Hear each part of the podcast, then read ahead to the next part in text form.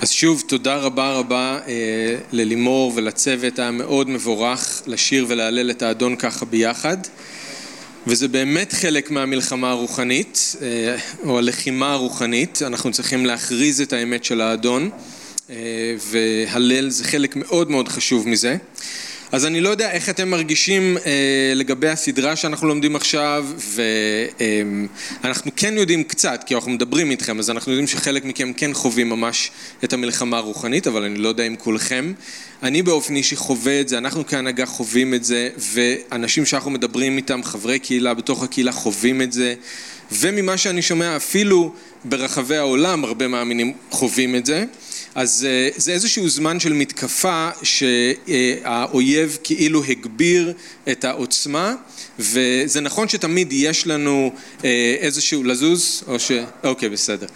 אמ, אז יש לנו תמיד, אנחנו תמיד נמצאים בקרב וזה נכון, אבל לפעמים יש זמנים כאלה שפתאום העוצמה מתגברת ומרגישים כאילו שהפנו אליך את כל התותחים והכל נזרק עליך בבת אחת. אז זה קצת ההרגשה שיש לנו כרגע, אה, ובגלל זה אנחנו עושים את הסדרה הזאת, בגלל שאנחנו מאמינים אפילו ללמד את הסדרה הזאת זה חלק מהלחימה הרוחנית, זה להתנגד לאויב. אנחנו רוצים לדבר על, עליו בגלל שאנחנו רוצים להיות ערים למי הוא, למה שהוא עושה, לאיך המלחמה מתנהלת, כדי שאנחנו נוכל להילחם כמו שצריך. אבל כמו שכתוב על בני ישראל, ככל שעינו אותם, אה, כן ירבו וכן יפרוצו, איך זה שמה? אז אנחנו גם כן ככה. כמה שיותר ייכנסו בנו, ככה אנחנו נתחזק יותר בחסד האדון, וזה בסדר. אז אני לא יודע מה איתכם, ההרגשות שלי בזמן האחרון זה איזשהו ערבוב בין תסכול לבין אה, הרבה מאוד התרגשות, בגלל שאני מתוסכל מזה שיש את המלחמה הרוחנית וזה מעצבן לראות איך האויב מנסה לחבל בכל כך הרבה דברים טובים. מצד שני יש כזאת התרגשות בגלל שהוא לא היה עושה את זה אם לא היה סיבה, אם לא הייתה סיבה. הוא לא נוגע במי שזה לא, לא מהווה איום על מלכות החושך. אז כנראה שמשהו כן קורה בחיים שלכם, בקהילה, כי אחרת זה לא מעניין אותו. הוא עוזב בשקט את האנשים שלא מהווים איום, אבל הוא תוקף את אלה שכן. או שאולי הוא רואה שמשהו הולך לבוא, אז הוא מנסה למנוע את זה. אנחנו לא יודעים. מנסה, דגש על מנסה, נכון. אז אנחנו אה, נרגשים, מתוסכלים וממשיכים אה, הלאה. אז אנחנו רוצים אה, להמשיך עם הסדרה שלנו ואנחנו שוב באפסים ו', פסוקים 10 עד 18, למרות שאני כבר אומר לכם שעדיף שיהיה לכם את ספר הכתובים או בפלאפון או באייפד, אבל שיהיה לכם זמין כי אני אזכיר מקומות אחרים בכתובים, אנחנו לא נשארים היום באפסים ו', אבל האפסים ו' פעם שעברה אם אתם זוכרים אז סטפן אה, אה, לימד אותנו כמבוא לכל הדבר הזה שנקרא מלחמה רוחנית. אז אם אתם זוכרים הוא אמר אנחנו צריכים בכלל להיות מודעים לזה שיש מלחמה. זה הצעד הראשון. לא לחיות כאילו שאין מלחמה אלא להיות מודעים לזה שהמלחמה הזאת היא בכלל קורית ושאנחנו חלק ממנה. זה צעד גדול מאוד אה, בדרך לפתרון או ללחימה אמיתית באויב לניצחון שתיים, האויב האמיתי שלנו, אם אתם זוכרים, זה השטן, זה לא בני אדם. אף בן אדם הוא לא האויב שלנו, יש לנו רק אויב אחד, והוא השטן. ושלוש, שאנחנו צריכים להתנגד לו. ככה אנחנו בעצם מתחזקים באדוני ובכוח גבורתו, שלושת הדברים האלה. אז היום אנחנו ממשיכים. אני רוצה לקרוא שוב את הקטע כדי שזה יהדהד לנו בראש, ואז נתחיל. סוף דבר, חזקו באדוני ובכוח גבורתו. לבשו את מלוא נשק האלוהים למען תוכלו לעמוד נגד נכלי השטן. כי לא עם בשר ודם מלחמה לנו, אלא עם רשויות ושררות, עם מושלי חשכת העולם הזה, עם כוחות רוחניים רעים בשמיים. על כן קחו את מלוא נשק האלוהים למען תוכלו להתנגד ביום הרע, ולעמוד לאחר עשותכם את הכל. עמדו כשהאמת חגורה על מותניכם, ושריון הצדק לבושכם, וכשרגליכם נעולות נכונות לבשורת השלום. עם כל אלה שאו את מגן האמונה אשר תוכלו לכבות בו את כל חציו הבוערים של הרע, וקחו את כובע הישועה ואת חרב הרוח שהיא דבר האלוהים. בכל תפילה ותחינה התפללו תמיד ברוח, שקדו בתפילתכם והתמידו בתחינה בעד כל הקדושים.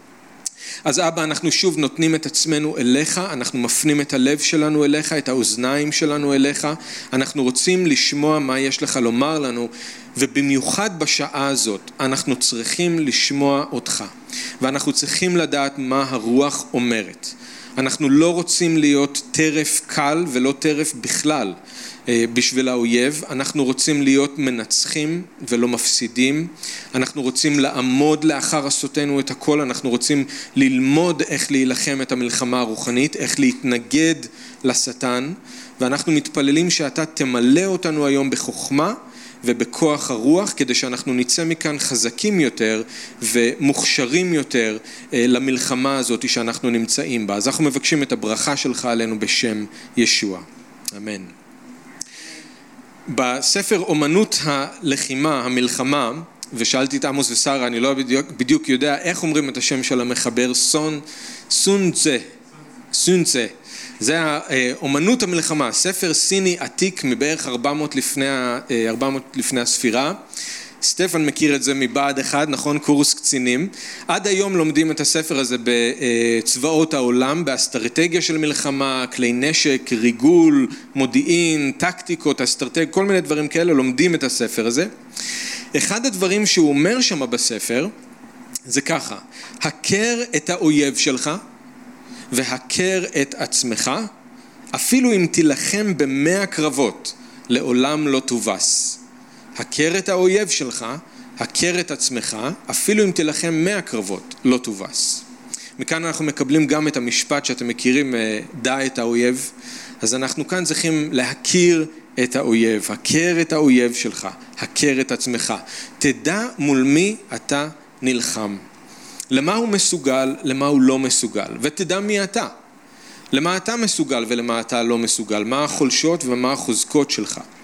אם אתה תעריך את האויב שלך יתר על המידה, זה יגרום לך לעשות כל מיני טעויות בשדה הקרב. אם אתה תגיד, הוא יותר חזק ממה שהוא באמת, הוא יותר חכם ממה שהוא באמת, אתה סתם תכין מלא דברים שלא צריך וזה יבלבל אותך בשעת הקרב. לעומת זאת, אם אתה תזלזל באויב שלך, ולא תעריך אותו מספיק, אתה תגיע לא מוכן למלחמה. אתה צריך לדעת מי האויב שלך, ואתה צריך לדעת את עצמך, וככה אתה מגיע מוכן כדי לנצח בקרב. אז היום אנחנו רוצים להכיר את האויב שלנו. אנחנו כבר יודעים מי הוא, נכון? זה לא סוד. אבל אנחנו כן רוצים להבין איך הוא פועל, איך הוא תוקף, כמה כוח יש לו, למה הוא מסוגל. כן? על זה אנחנו רוצים לדבר. עכשיו, אם אתם שואלים אותי, לדעתי רוב הזמן הטעות שאנחנו עושים זה שאנחנו לא מעריכים את השטן מספיק מבחינת הכוח שיש לו, מבחינת הסמכות שיש לו, מבחינת מה הוא מסוגל לעשות. רוב המאמינים רדומים לחלוטין לגבי היכולות של השטן לפעול בחיים שלהם. לגמרי. ולא מעריכים אותו מספיק. אוקיי? לא מעריכים אותו מספיק, מזלזלים מאוד בשטן והוא רוצה את זה, כמו שאתם שמעתם בשבוע שעבר, הוא רוצה שיחשבו שהוא לא קיים, ואם חושבים שהוא קיים יחשבו שהוא לא יכול לעשות הרבה יותר מדי נזק. לא צריך לשים יותר מדי לב. טעות גדולה מאוד. תסתכלו בקטע שלנו באפסים שקראתי, שאול מתאר את האויב, הוא מתאר את האופי של המלחמה, את כלי הנשק, אבל כשהוא רוצה לתאר את הדרך של האויב לתקוף אותנו, ובזה אנחנו מתמקדים היום, כשהוא רוצה לתאר את הדרך של האויב לתקוף אותנו, בעצם אומר שני דברים. אחד, אתם צריכים לעמוד נגד נכלי השטן, שתיים, אתם צריכים לכבות את כל חציו הבוערים של הרע. נכלי השטן וחצים בוערים. אלה בעצם שתי הדרכים של האויב לתקוף אותנו ועל זה אני רוצה שאנחנו נסתכל. מה זה אומר? נכלה השטן. מתודיאס, אני לא יודע אם אני מבטא את זה נכון, למדתי יוונית אבל אני לא יודע אם אני מבטא את זה נכון, אבל מתודיאס זה המילה לנכלה השטן. זאת אומרת הדרכים הערמומיות שלו, המזימות שלו, הרמאות שלו. מהמילה הזאת אנחנו מקבלים את המילה מתודה, אבל פעם הכוונה לא הייתה לשיטה פשוט, אלא לדרך ערמומית, איך לעבוד על מישהו, איך להתחכם, איך לרמות. שאול בעצם כבר השתמש במילה הזאתי בפרק ד' פסוק 14 באפסים. כך לא נהיה עוד ילדים נידפים ומיטלטלים ברוח של כל תורה המופצת על ידי בני אדם בעורמה ובתרמית כדי להטעות. המילה תרמית היא אותה מילה, מתודיה, אותה מילה. אז השטן הוא נוכל והוא רמאי מסוכן, ואנחנו צריכים ללבוש את מלוא נשק האלוהים כדי לעמוד נגד הערמומיות שלו. אבל זה לא הכל. הוא לא תמיד משתמש בערמומיות שלו כדי לנסות להפיל אותנו, יש עוד שיטה. הוא גם משתמש בכוח ישיר וגלוי כדי לתקוף אותנו, וכאן שאול מתאר את זה כמו חצים בוערים. זה לא רק חצים שיכולים לפגוע ולהרוג, אלא בוערים, להסב כמה שיותר נזק. ובמקרה הזה העמידה שלנו נגד השטן היא אחרת. אנחנו לא צריכים להיזהר מהרמאויות שלו כמו איזה מישהו שמנסה למכור לנו חתול בשק, אנחנו צריכים להיות מוכנים להדוף אחורה את כל מה שהוא זורק לעברנו. אנחנו צריכים לדעת איך לכבות את חציו הבוערים ולא לתת לו לפגוע בנו. אז הנה מה שאנחנו צריכים לדעת. לאויב יש שתי שיטות לתקוף אותנו. דרך אחת בעורמה כמו נוכל, הוא מנסה להפיל אותנו בפח על ידי שקרים, על ידי פיתויים, על ידי התחזות, ודרך שנייה בכוח. הוא מנסה לשבור אותנו על ידי סבל וכאב וקושי וצרות. שתי דרכים שהוא תוקף אותנו. או שהוא מרמה אותנו, או שהוא מכאיב לנו. זאת הסיבה שהוא מתואר בכתובים פעם כמו נחש ופעם כמו אריה. שאול אומר לקורינתים, חוששני שמא תודחנה מחשבותיכם מן הפשטות שבמשיח, כמו שאירע לחווה כאשר הדיח אותה הנחש בעורמתו. וקיפה אומר, היו ערים ועמדו על המשמר. אויביכם השטן משוטט כאריה שואג, ומחפש לו לטרוף מישהו. אז זה האויב שלנו ואנחנו צריכים לדעת איך להתמודד איתו. פעם הוא תוקף כמו נחש ופעם כמו אריה. ונגד כל מתקפה אנחנו צריכים ואנחנו יכולים לעמוד. והמטרה שלו דרך אגב היא תמיד אותו דבר. הוא רוצה להרוס את האמונה שלנו והוא רוצה ללכלך את השם של אלוהים כמה שיותר. זה מה שהוא מנסה לעשות, בין אם זה בתקיפה כזאת או אחרת. אז אני רוצה שנסתכל יותר מקרוב על שתי השיטות האלה, שיטת האריה ושיטת הנחש.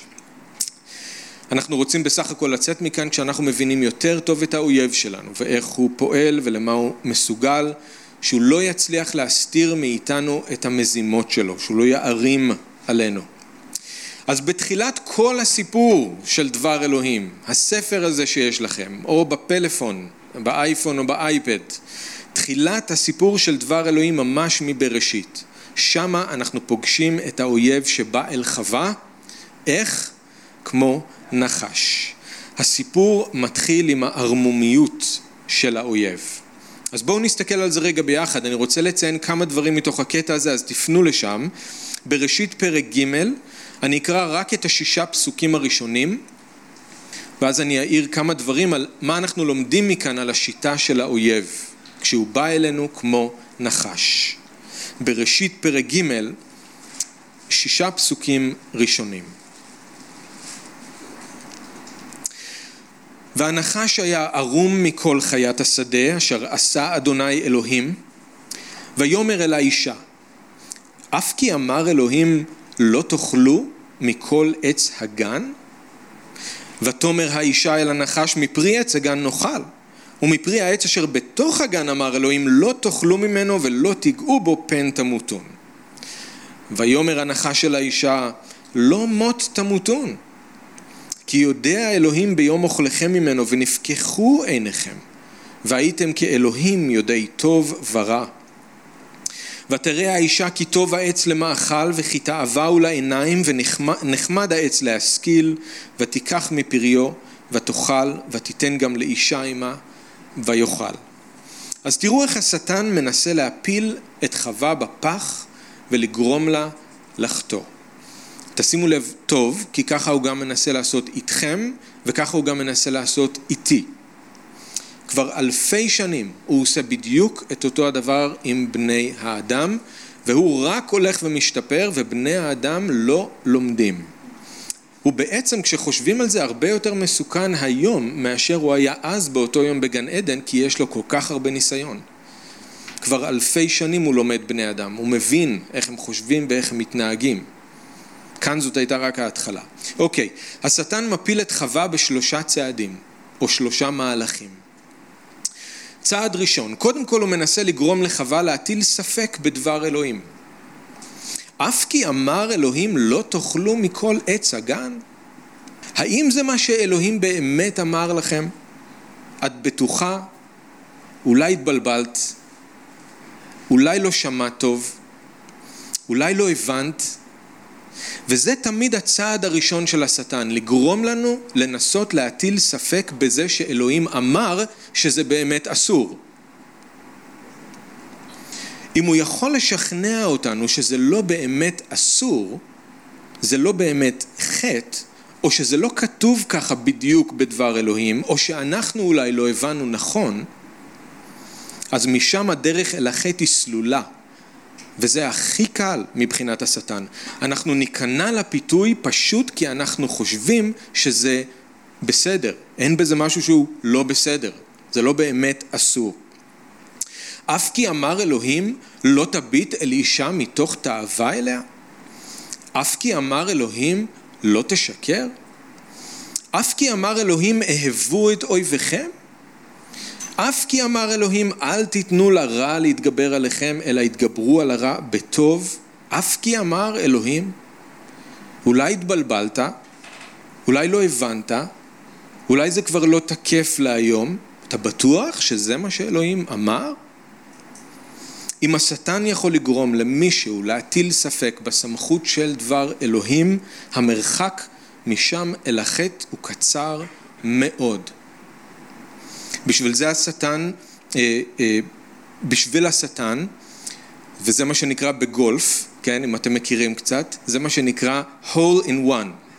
זה, הוא הצליח להכניס את הכדור אל הגומה במכה אחת. בשביל השטן זה hole in one. הוא לא צריך לעשות יותר שום דבר אם את זה קנינו. אוקיי? Okay? הוא עשה את שלו. אם אנחנו מתחילים להטיל ספק בזה שאלוהים בכלל אמר ושזה באמת אסור ושזה מה שהוא באמת מצווה לעשות, הדרך אל החטא צלולה. כל הכתוב נכתב ברוח אלוהים, כל מילה ומילה. וכשאנחנו חיים לפי דבר אלוהים אז יש לנו את הברכה ואת ההגנה של אלוהים. אבל ברגע שמשהו אחר או מישהו אחר תופס את המקום של דבר אלוהים וזה בדרך כלל אתם יודעים מי זה בסוף? זה בדרך כלל אנחנו עצמנו. אנחנו בסופו של דבר מחליטים שאנחנו נהיה הסמכות ונחליט מה דבר אלוהים אומר או מה נכון או לא נכון. אבל ברגע שעשינו את זה אין לנו שום קנה מידה אובייקטיבי שאומר לנו איך לחיות את החיים שלנו ואנחנו מתחילים להתבלבל. אם אלוהים לא אומר את זה כאן, אולי הוא גם לא אומר את זה שם. אם הוא לא התכוון לזה כאן, אולי הוא גם לא התכוון לזה שם, כן? אנחנו מתחילים להתבלבל. זה הצעד הראשון. הצעד השני, חווה לא מיד קיבלה את מה שהשטן אמר, והיא באמת תיקנה אותו שזה לא בדיוק מה שאלוהים אמר. לא משנה שהיא הוסיפה שם על מה שאלוהים אמר, לא תיגעו, זה לא מה שהוא אמר, אבל היא אמרה זה לא מה שאלוהים אמר. אבל היא עשתה טעות בזה שהיא בכלל ענתה לנחש, בזה שהיא בכלל דיברה איתו. בזמן מלחמה לא מדברים עם אויבים ולא עושים הסכמים. בסרט שעת האופל, אם ראיתם על אנגליה בזמן מלחמת העולם השנייה, כשהציעו לצ'רצ'יל להיכנס לשיחות עם היטלר ולנסות להגיע איתו לפשרה, הוא אמר שזה בלתי אפשרי להגיע להבנות עם נמר בזמן שהראש שלך נמצא בתוך הפה שלו. וככה זה גם עם השטן. אף פעם אל תשבו איתו מסביב לשולחן לדבר ולהגיע להבנות. ובשבועיים הבאים אנחנו באמת נדבר על מה בדיוק כן אפשר לעשות. כדי להגן על עצמנו, להתנגד לו, אבל לא לדבר איתו. אבל חווה עשתה את הטעות והשאירה את הדלת פתוחה. אז השטן המשיך לצעד השני שלו, השקר. השקר. אומר לה, לא מות תמותון.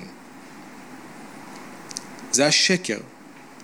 הוא לא הצליח לגרום לה לחשוב שאלוהים לא באמת אמר שזה אסור, אז תראו גם שהוא לא ממשיך בקו הזה, הוא פשוט מחפש פתח אחר ונכנס דרכו.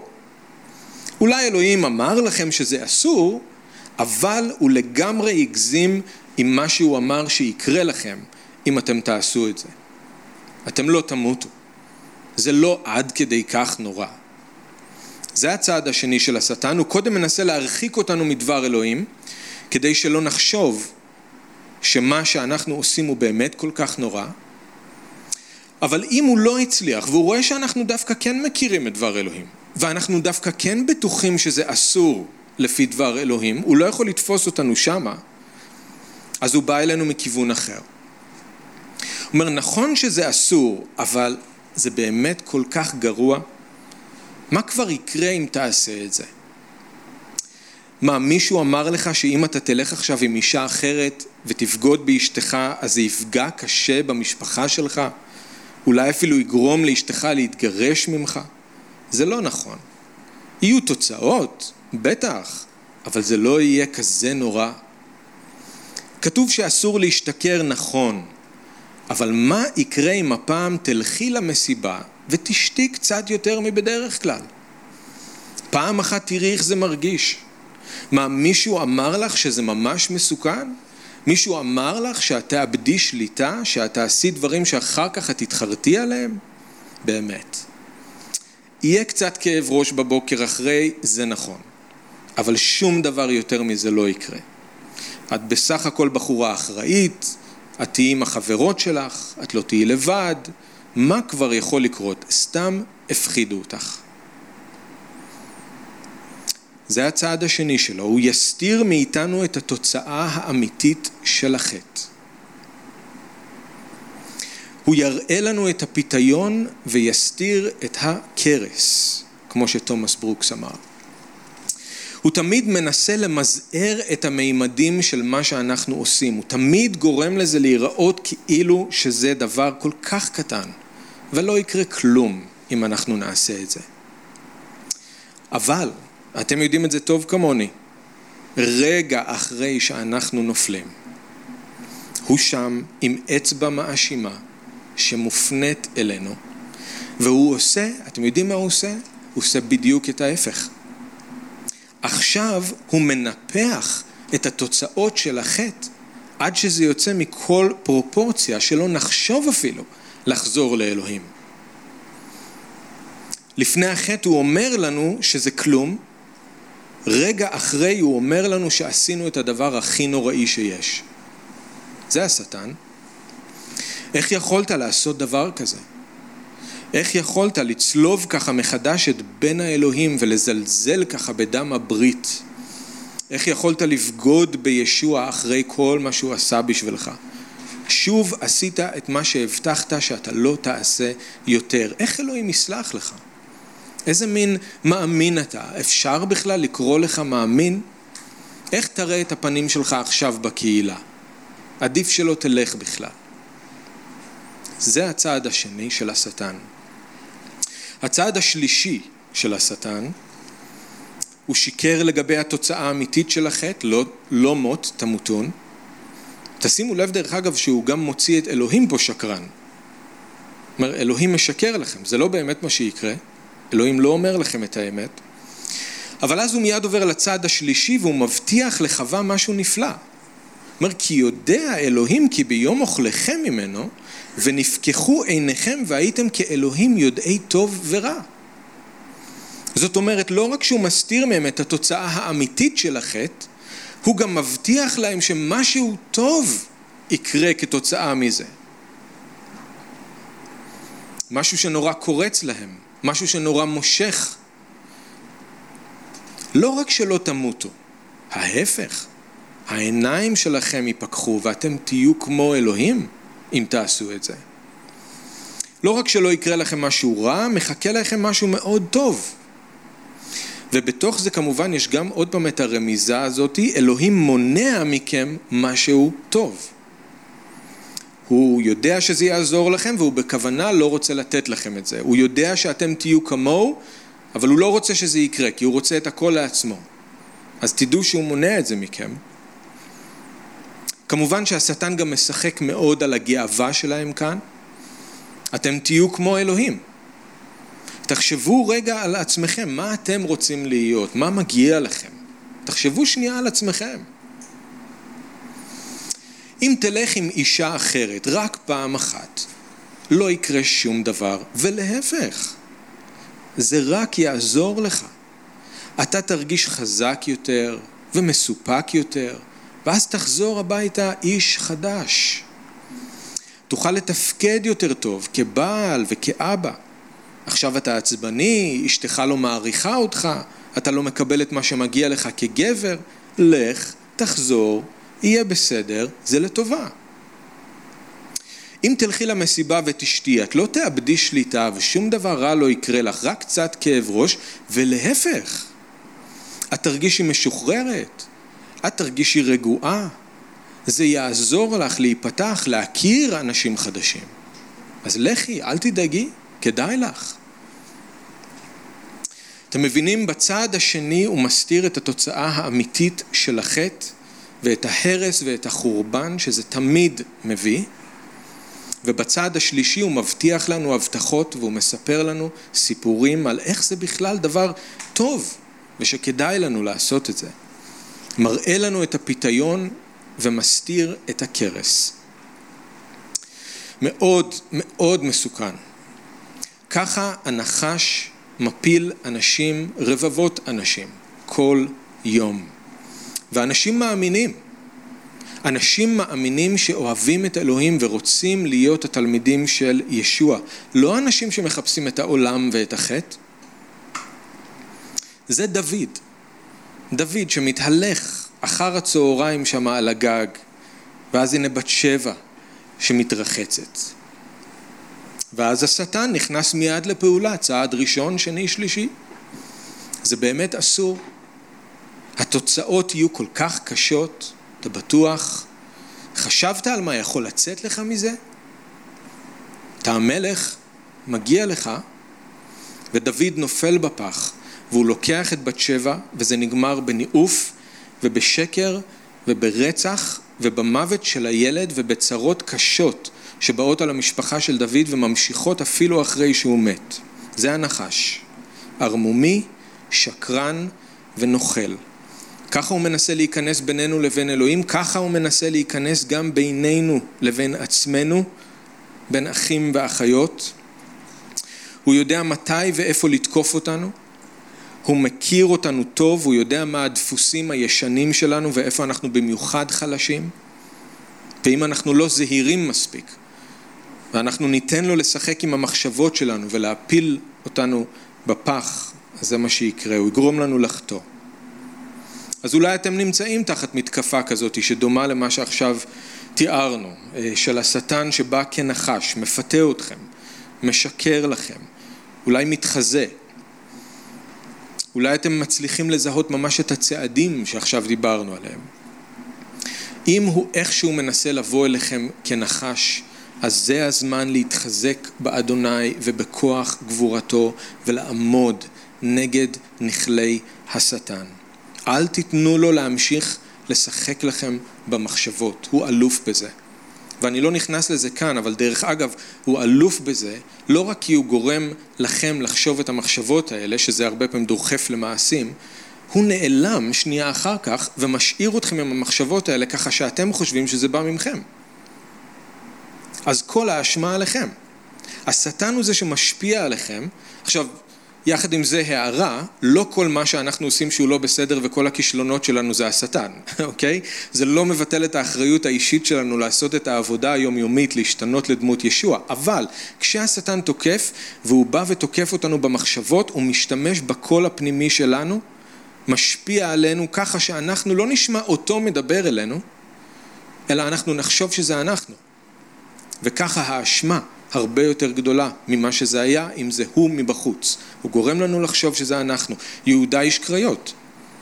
נכון, השטן שם בלב שלו לבגוד בישוע, הוא לא הלך ותלה את השטן, הוא הלך ותלה את עצמו.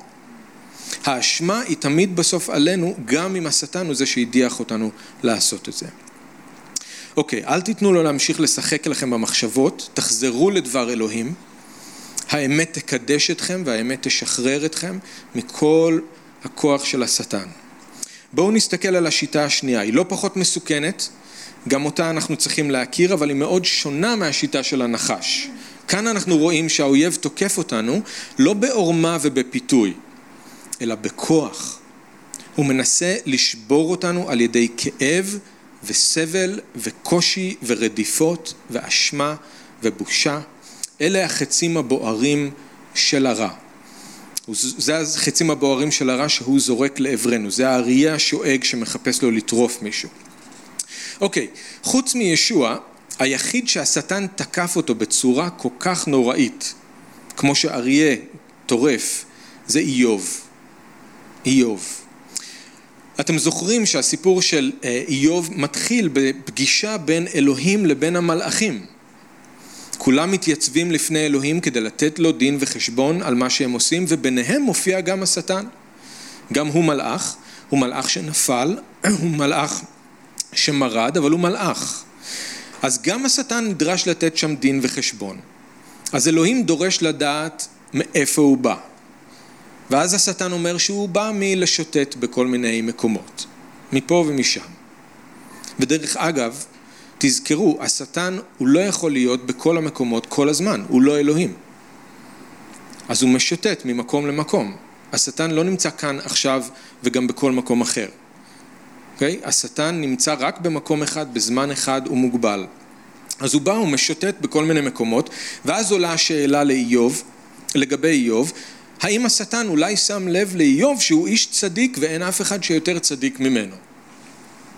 השטן מכיר את איוב טוב מאוד, והוא בטח גם מאוד מאוד שונא אותו. אז הוא מיד עונה לאלוהים שזה לא חוכמה להצביע על איוב, כי ברור שהוא צדיק, וברור שהוא ירא את אלוהים, כי אלוהים מברך אותו בהכל. אלוהים שם גדר הגנה, שזה נכון, אלוהים שם גדר הגנה סביב איוב והמשפחה שלו והרכוש שלו והכל. אז השטן אומר, מי לא יעבוד אלוהים כזה? מי לא יעבוד אלוהים כזה שמברך? במילים אחרות השטן אומר לאלוהים, איוב עובד אצלך, אתה משלם לו יפה מאוד, ובתמורה הוא נכנע לך, ירא אותך, שומר את המצוות שלך, אבל הוא עובד בשבילך, הוא לא עושה את זה בחינם. אתה משלם לו. אין פה שום דבר מעבר לזה. ואם אתה רוצה הוכחה לזה, קח ממנו את כל מה שיש לו ותראה שהוא ייפול על הפנים שלו לפניך ויקלל אותך. זה מה שקורה, אלוהים מסכים להסיר בצורה מוגבלת את כל ההגנה הזאת שיש סביב איוב, הוא מרשה לשטן לקחת מאיוב את כל מה שיש לו, הוא רק אוסר עליו בהתחלה לגעת בגוף שלו, בו עצמו, ואני רוצה שאתם רק תראו איך השטן מזנק עליו כמו אריה טורף. אני קורא את זה בגרסת העדות, אתם יכולים לעקוב אם יש לכם העדות או בתנ"ך שלכם, אבל אני קורא מאיוב פרק א', פסוק 13. מה שנקרא בשורות איוב, אוקיי? Okay? אז זה פרק א' בספר איוב מפסוק 13. יום אחד כשבניו של איוב ובנותיו אכלו ושתו יין בבית אביהם אחיהם הבכור, בא שליח אל איוב ואמר הפרים חרשו בשדה, האתונות ראו לידם, שודדים באו משווה, התנפלו עליהם ולקחו אותם ואת הפועלים הרגו בחרב, רק אני נמלטתי לבדי כדי לספר לך. בעודו מדבר, אחר בא ואמר אש גדולה ירדה מהשמיים והבעירה את הצאן ואת הפועלים ושרפה אותם. רק אני לבדי נמלטתי כדי לספר לך. בעודו מדבר באחר ואמר כסדים באו בשלושה גדודים תקפו את הגמלים ולקחו אותם ואת הפועלים הרגו בחרב. רק אני לבדי נמלטתי כדי לספר לך בעודו מדבר באחר ואמר בניך ובנותיך אכלו ושתו בבית אחיהם הבכור.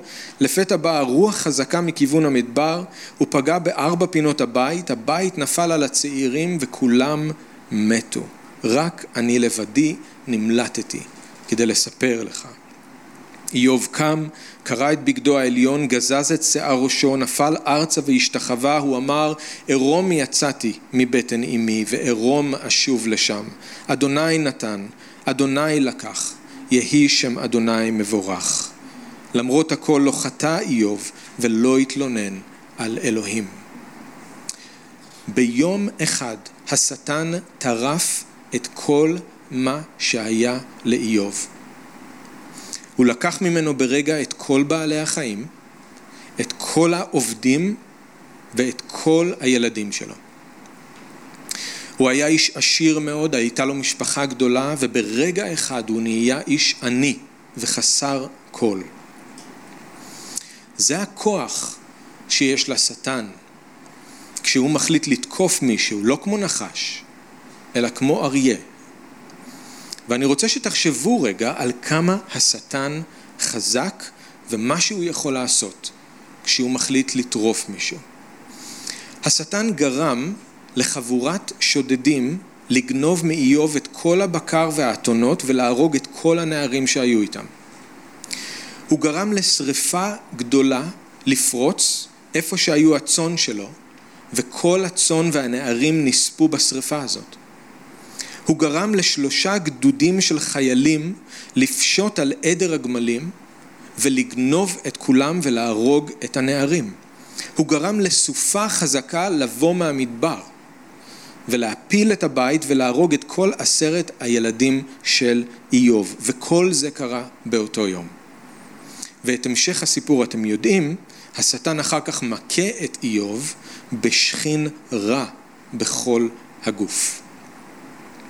אז השטן משתמש בכנופיית פשע, בשלושה גדודים צבאיים, בשתי אסונות טבע ובמחלה קשה. הכל כדי להכות באיוב מכות מחץ ולנסות לגרום לו להתכחש לאלוהים. אם זה לא אריה טורף, אני לא יודע מה זה. ואני רק רוצה שתשימו לב, כל זה לא יכל לקרות עד שהשטן קיבל רשות מאלוהים ועד שאלוהים מסיר את ההגנה. אתם לא יודעים מה היה יכול לקרות לכם. אתם חושבים שאולי קשה לכם עכשיו, אני מבין, גם אני. אתם לא יודעים כמה גרוע זה היה יכול להיות אם אלוהים היה מסיר לגמרי את ההגנה שיש סביבכם. הסיבה שאנחנו לא במצב כל כך גרוע זה כי אלוהים לא מאפשר, השטן לא נחמד, הוא לא מתחשב, זה בגלל שאלוהים לא מרשה לו. אם הוא היה יכול, הוא היה חוגג על כל אחד מכם. כמו שהוא עשה עם איוב, ואני חושב שהשטן חיכה כל כך הרבה שנים לרגע הזה. הוא שנא את איוב. מישהו ששיקף את אלוהים, מישהו צדיק שהולך בדרך של אלוהים. אבל הוא טעה לגבי איוב. עכשיו אני רק רוצה להגיד, זה לא אומר שכל מקרה של פשע או אסון טבע או חולי הם מהשטן, זה לא מה שאני אומר. אבל זה יכול להיות. אם אלוהים מאפשר לו, השטן מסוגל לגייס למטרות שלו את כל המשאבים של העולם הזה כדי לפגוע באנשים וכדי לגרום להם סבל. יש לו את היכולת להשפיע על כנופיות פשע ולכוון אותם נגד מי שהוא רוצה. יש לו את היכולת לייצר אסונות טבע כדי לפגוע במי שהוא רוצה. יש לו את היכולת לייצר חולי בגוף של מישהו, כל עוד ואלוהים מאפשר לו. עכשיו אני רוצה רגע לעצור ולשאול אתכם, אתם יכולים לצוות על כנופיית פשע לעשות מה שאתם רוצים? אתם יכולים להרים טלפון עכשיו למשפחת אלפרון, למשפחת אברג'יל, ולשלוח אותם לאיזה משימה? מישהו כאן יכול? אם כן, אני לא רוצה לדעת. כן? אתם יכולים? השטן יכול. הוא מנהל אותם כל הזמן והם עושים בדיוק את מה שהוא רוצה. מה עם כוחות הבריאה? יש לכם כוח עכשיו, יכולת לצאת החוצה ולצוות על הרוח לעשות מה שאתם רוצים? אתם יכולים לגרום לזה שתשתולל עכשיו סערה בחוץ, או לצוות על הברקים להצית איזה שריפה? השטן יכול. השטן יכול. הוא יצר את הסערה ושלח אותה ישר לבית של הבן הבכור, כי הוא ידע שכל הילדים שם באירוע משפחתי. מה עם מחלה? אתם יכולים לצוות על מגפה שתפרוץ, אתם יכולים לעצור מגפה. אתם יכולים לצוות על איזושהי מחלה שתדבק במישהו? לא. מה עם קצת פריחה? לא משהו רציני. משהו קטן, ככה רק להחזיר למישהו שקצת עצבן אתכם. קצת פריחה. אפילו את זה אתם לא יכולים לעשות. אתה יכול. השטן יכול. כן, אז אנחנו, יש לנו, אנחנו נדבר בשבועיים הקרובים מה אנחנו עושים נגד הכוח הזה של השטן. אבל אנחנו חייבים להבין את הכוח שיש לו. אנחנו לא יכולים לצוות על חולי, לדבוק באף אחד. השטן יכול, אם אלוהים מאפשר לו. תחשבו על זה, השטן דפדף בקטלוג של כל המחלות שקיימות והוא עבר על כל הסוגים. מחלות כבד, מחלות נשימתיות, מחנות לב, ואז הוא הגיע למחלות עור, ואז הוא נעצר שם. ומתוך כל הסוגים השונים של מחלות עור הוא בחר בשכין. ואז הוא ציווה על השכין מיד לדבוק באיוב, לא באשתו, לא בשכנים שלו, באיוב בלבד. והוא ציווה על דרגת החומרה של המחלה, זה צריך להיות שכין רע. והוא ציווה גם בדיוק על ההיקף של המחלה, זה צריך להיות בכל הגוף, מכף רגל ועד ראש. והשכין ציית לו. מה שאני מנסה להראות לכם, אין לכם ולי פסיק מהכוח והסמכות שיש לשטן. אין. כל הפושעים הכי מסוכנים בעולם הם המשרתים שלו. כוחות הטבע מצייתים לו. כל חולי שיכול להזיק לבני אדם נכנע לו. כתוב לנו בראשונה ליוחנן שכל העולם שרוי ברע, או נמצא בידיים של הרע. לא לחינם ישוע קורא לו שר העולם הזה, ושאול מתאר אותו כאל העולם הזה, והשר אשר לו השלטון בספירת הביניים. אנחנו הרבה פעמים משחקים איתו משחקים. אנחנו חושבים שהוא יצור אדום עם קרניים וזנב וקלשון שאוהב להפחיד ילדים קטנים. ואוי ואבוי לנו אם אנחנו נפלנו בפח הזה. תקראו שוב את הסיפור של איוב ותנו לזה להכניס בכם פחד בריא. זה מה שהוא מסוגל לעשות כשהוא רוצה וכשאלוהים מאפשר לו. הוא עד כדי כך חזק. הוא שר העולם הזה, אל העולם הזה. השר שיש לו שלטון בספירת הביניים. אנחנו נגיע לפיתולו היום, לפיתויים של ישוע במדבר, אבל שם הוא אמר לישוע דבר שהוא לא שקר. הוא הראה לו את כל ממלכות תבל וכבודן, והוא אמר אם תשתחווה לי, לי ניתן הכל. אם תשתחווה לי אני אתן את זה לך, אני יכול לתת את זה למי שאני רוצה. זה נכון. זה הכוח שיש לו.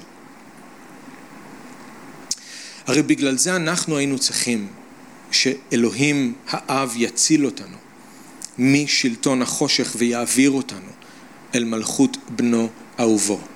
כי אנחנו לא היינו יכולים לשחרר את עצמנו, כי הוא חזק יותר מאיתנו. יש לו הרבה יותר סמכות מלנו. בחסד האדון אנחנו עכשיו, אם אנחנו בישוע, אנחנו חופשיים מהשלטון שלו. תודה לאל, אנחנו חופשיים מהשלטון שלו. והוא אשר בנו, חזק מזה אשר בעולם, ממנו. שזה מדהים, כי היחידי שהוא חזק יותר מהשטן חי בנו. אנחנו נגיע לזה. אז זה נכון, אבל אני כן מרגיש שכולנו חייבים להתעורר. אנחנו חייבים להבין שהאויב שלנו הוא אל העולם הזה. הוא ערמומי, הוא חזק, הוא חכם, יש לו סמכות, ואנחנו צריכים להיות מאוד זהירים. אנחנו לא יכולים לנצח אותו בלי האדון. אני לא אומר את כל זה כדי שאנחנו נפחד. זאת לא המטרה. אבל אה, אנחנו כן צריכים להתעורר. ובשבועיים הקרובים אנחנו נדבר על הדרכים שבהם אנחנו יכולים באמת לעמוד נגד השטן ולהילחם נגדו. אז אל פחד. אלוהים לא נתן לנו רוח של פחד, אלא רוח של גבורה, אהבה ויישוב הדעת. אבל אנחנו צריכים להכיר את האויב שלנו. ואם יש משהו שהוא רוצה זה שאנחנו לא נכיר אותו, שאנחנו לא נדע מי הוא באמת. אבל אלוהים נתן לנו מודיעין טוב מאוד בתנ"ך ובברית החדשה, יש לנו מודיעין פנימי. אנחנו יודעים מי הוא, אוקיי? Okay? אז הדוגמה של איוב ממחישה לנו כמה השטן חזק. כשהוא מחליט לטרוף מישהו, הוא עושה את זה בכל הכוח. אני רוצה רק שתזכרו, ואין לי זמן להיכנס לזה עכשיו, אבל הוא לא רק תוקף אותנו בצורה הזאת, באכזריות בגוף, אלא גם במחשבות, גם בנפש. צריך לקחת את זה בחשבון. הוא זורק לעברנו מחשבות של טומאה ושל גידוף וספק ואשמה ובושה. זה החצים הבוערים של הרע, ופחד. אין לנו מושג מאיפה זה בא, ופתאום צצות לנו בראש המחשבות הכי נוראיות, והרבה פעמים זה דווקא כשאנחנו בתפילה, או קוראים את דבר אלוהים, או נמצאים בקהילה. מאיפה זה בא המחשבות האלה? זה בא ממנו. זה החצים הבוערים של הרע, הוא תוקף אותנו, הוא מתנפל עלינו. יש עוד דוגמאות לכוח העצום של השטן, אנחנו לא יכולים עכשיו לעבור על זה, אבל רק תחשבו על כל האנשים שהיו אחוזי שדים. תראו את הכוח. שבעה בני סקבה, זוכרים במעשה השליחים? איש אחד הצליח להתנפל על שבעה ולגרום להם לברוח מהבית הזה ערומים ופצועים. איש אחד. זה הכוח של השטן, יש גם את הליג... זה שהיה בו את הליגיון כמובן. תחשבו על האישה הכפופה שישוע ריפא אותה, הוא אמר שהשטן קבל אותה במשך 18 שנה. זה הכוח שלו. תחשבו על זה שהשטן דרש לטלטל את השליחים כחיטים בקברה, והוא עשה את זה בכזאת עוצמה ועם כזאת הצלחה, שזה גרם לקיפה להתכחש לו שלוש פעמים. תחשבו על הקוץ בבשר שהיה לשאול.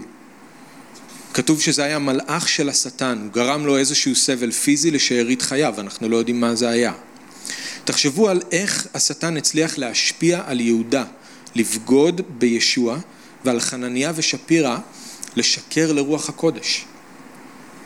תחשבו על איך הוא יכול להקים מורי שקר כדי להטעות אנשים מן האמת. שאול אומר שהם המשרתים של השטן, הם מתחפשים למשרתי צדק, אבל המשרתים של השטן. לקהילת זמרנה, בהתגלות פרק ב' כתוב, הנה עתיד השטן להשליך אנשים מכם לכלא, כדי שתנוסו, ותהיה לכם צרה עשרת ימים. אז הוא עומד מאחורי רדיפות של מאמינים, הוא יכול לגרום לזה שהם יהיו מושלכים לכלא. והם יכולים לסבול רדיפות בגלל השטן שעומד מאחורי זה. אז כשהשטן תוקף אותנו כמו אריה טורף, הוא משתמש בכל הכוח שיש לו ויש לו כוח עצום. וכשהוא מנחית עלינו מכות כאלה בכוח, הוא תמיד מנסה לשבור אותנו, או יותר נכון לשבור את האמונה שלנו. כמו אשתו של איוב, הוא רוצה שאנחנו נקלל את איוב, את אלוהים ונמות. זוכרים? תקלל את אלוהים ותמות.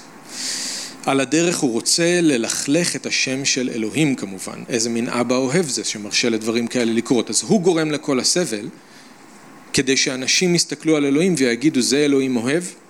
הוא יודע שהוא עומד מאחורי זה, אבל הוא רוצה ללכלך את השם של אלוהים. אוקיי, יש הרבה מאוד מה להגיד, אנחנו נסיים כאן.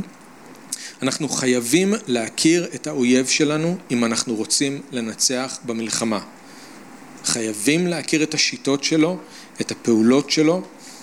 תזכרו, לפעמים הוא בא אלינו כמו נחש, לפעמים הוא בא אלינו כמו אריה, לפעמים אנחנו צריכים לעמוד נגד נכלי השטן, לפעמים אנחנו צריכים לכבות את חציו הבוערים של הרע.